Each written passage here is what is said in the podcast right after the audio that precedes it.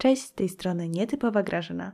Po dość długiej przerwie, spowodowanej sesją niestety, powracam do Was, mam nadzieję, dość ciekawym tematem, a mianowicie tematem mediów. Chyba wybrałam sobie idealny dzień na opublikowanie tego podcastu, patrząc na to, że dzisiaj mamy strajk. Spotykając się z Koreańczykami, którzy ogarniają trochę historię swojego kraju oraz słyszeli co nieco o historii Polski, możemy usłyszeć zdania o treści Łączy nas podobna historia. Od 1910 roku do końca II wojny światowej, czyli do 1945 roku, Korea znajdowała się pod okupacją japońską. Okupacja miała m.in. na celu stworzenie bazy wypadowej pod wojskowe ambicje Cesarstwa Japonii, a podczas jej przebiegu można było słyszeć hasła typu Japonia, Korea to jedno ciało. Jednak to jedno ciało nie oznaczało zazwyczaj jakichkolwiek profitów, a raczej ograniczenie wolności na wszelkich płaszczyznach, w tym wolności prasy. W 1931 roku wraz z przejęciem urzędu generalnego gubernatora przez Ugaki Kazushige w życie wszedł nowy program nauczania w szkole z rozszerzoną liczbą godzin historii Japonii oraz języka japońskiego. Japończycy chcieli usunąć z systemu edukacji naukę języka koreańskiego, by zasymilować mieszkańców półwyspu. Język japoński stał się językiem obowiązującym w miejscach publicznych oraz urzędach, a język koreański stopniowo zanikał. Pod koniec 1939 roku japoński rząd narzucił Koreańczykom zmianę nazwisk na japońsko brzmiące. Koreańczycy najczęściej dobierali do swoich koreańskich nazwisk chińskie znaki, wymawiając je po japońsku. Od 1940 roku każdy pracownik państwowy oraz każdy członek rodziny, który chciał, by ich dzieci uczęszczały do szkoły, był zmuszony do zmiany nazwiska, inaczej zostawał wykluczony z życia społecznego. Około 84% Koreańczyków przejęło nowe japońskie nazwiska, co dla osób ze społeczeństwa, dla którego pamięć o przodkach jest jedną z najważniejszych tradycji, było upokarzające. Slogan Korea i Japonia to jedno ciało stałyby się rzeczywistością, gdyby nie rosnący w siłę patriotyzm wśród mieszkańców kraju spokojnego poranka. W 1907 roku, jeszcze przed aneksją Korei przez Japonię, kontrolowany już rząd ogłosił nowe prawo prasowe, które narzucało na obywateli uzyskanie zgody ministra spraw wewnętrznych oraz wpłacenie kaucji przed wydaniem gazety. Te ograniczenia oczywiście istotnie wpłynęły na ilość publikowanych materiałów. W latach 1910-1919 nie było mowy o jakiejkolwiek wolności koreańskiej prasy. Japończycy uważali gazety za przeszkodę w szybkim przejęciu pełnej władzy. Większość seulskich gazet zostało zamkniętych, przetrwała jedynie Mail Shinbo oraz anglojęzyczna gazeta Seoul Press. Po ruchu 1 marca w 1919 roku japońska władza próbowała uspokoić podjudzony naród koreański, przez co w 1920 roku zmieniło się prawo prasowe. Zezwolono na opublikowanie trzech koreańskich gazet Tonga Ilbo, Chosun Ilbo oraz Shinsa Shinmun. Donga Ilbo oraz Chosun Ilbo są wydawane w Korei do dziś jako główne konserwatywne gazety, jednak wielu Koreańczyków wciąż krytykuje je, pamiętając o projapońskich postawach z czasów okupacji.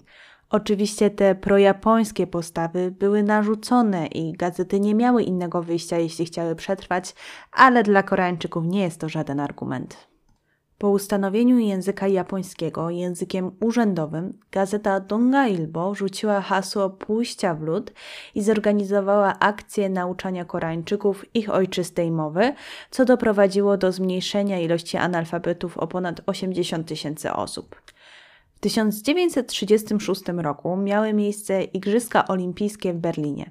Ze względu na to, że Korea była oficjalnie częścią Cesarstwa Japońskiego, koreańscy sportowcy występowali w barwach Japonii.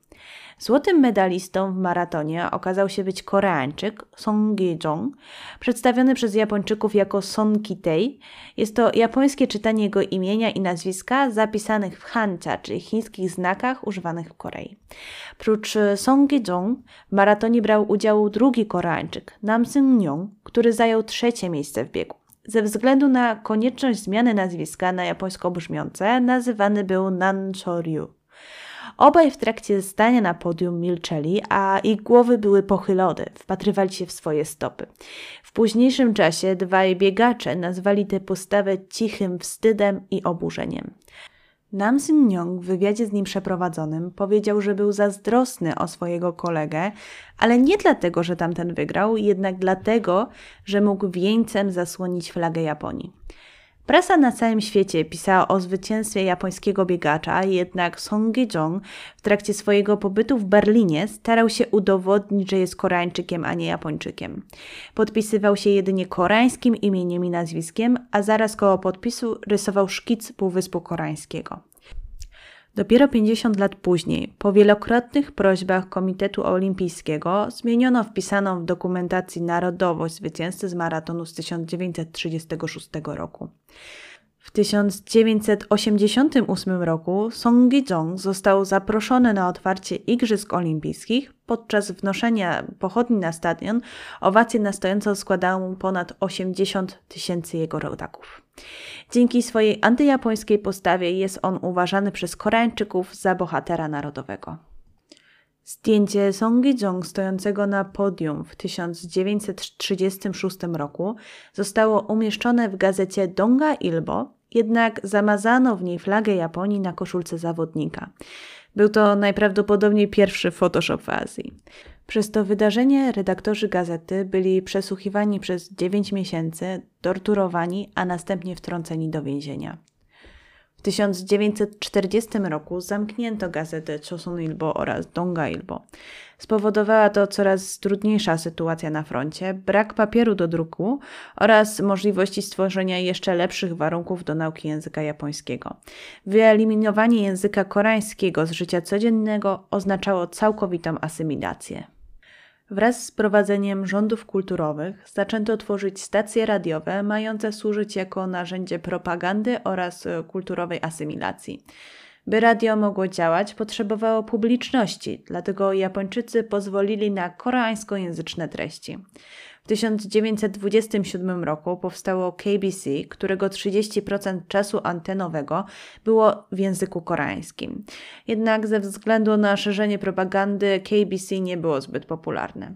W 1930 roku ogłoszono powstanie całkowicie koreańskiej stacji radiowej, która w rzeczywistości miała pomóc w programie asymilacji. Stacja ta miała programy nagrywane w Japonii, gdzie była w całości kontrolowana. Z czasem muzykę rozrywkową zastąpiła muzyka wojskowa, a program stacji był przepełniony edukacyjnymi lekcjami radiowymi. Ze względu na zakazanie używania języka koreańskiego, stację tę zamknięto w 1941 roku. Wraz z rozpowszechnieniem zakazu zamykano kolejne stacje lub przemieniano je na japońskojęzyczne. W grudniu 1944 roku nie było już żadnej stacji nadającej cokolwiek w języku koreańskim. Na drugim roku studiów dalekowschodnich na Uniwersytecie Jagiellońskim miałam przyjemność uczestniczyć na zajęcia Media na Dalekim Wschodzie prowadzone przez panią dr Joannę Wardęgę. Jeśli będziecie mieli kiedykolwiek okazję uczestniczyć w którymś z wykładów pani doktor, koniecznie to zróbcie. Niesamowita ilość naprawdę świetnie przekazanej wiedzy. Egzamin może nie jest taki super prosty, ale gwarantuję, że jeśli chcecie się czegoś nauczyć, to wszystkie zajęcia prowadzone przez panią doktor Wam pomogą.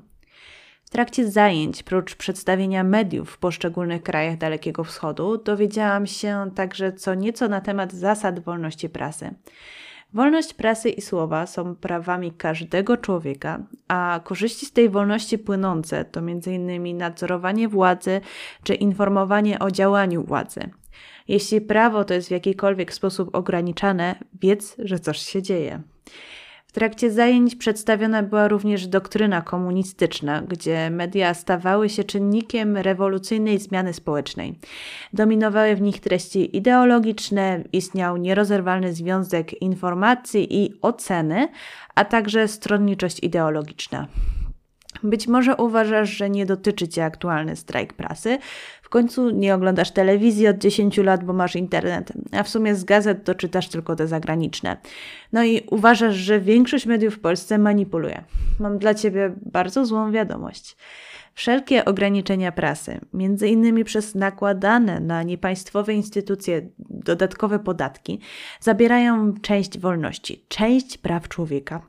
Nie musisz korzystać z tych mediów, ale są one dla ciebie dostępne. Póki co. Wolność zazwyczaj nie jest zabierana z dnia na dzień, a jest to długotrwały proces, który pozwala nam się przyzwyczajać do zastanego stanu. Pół roku temu było to poniżenie osób o innych orientacjach, dwa tygodnie temu zakaz aborcji, a dziś ingerowanie w prasę. Więc co będzie następne? I z tą niezbyt optymistyczną myślą zostawiam Was dzisiaj. Mam nadzieję, że część historyczna przypadła Wam do gustu, a zdjęcie Song Gi-jung, o którym wspominałam, możecie zobaczyć na moim Instagramie nietypowa Grażyna przez 2e. No, inna nazwa była zajęta. Do usłyszenia, trzymajcie się ciepło.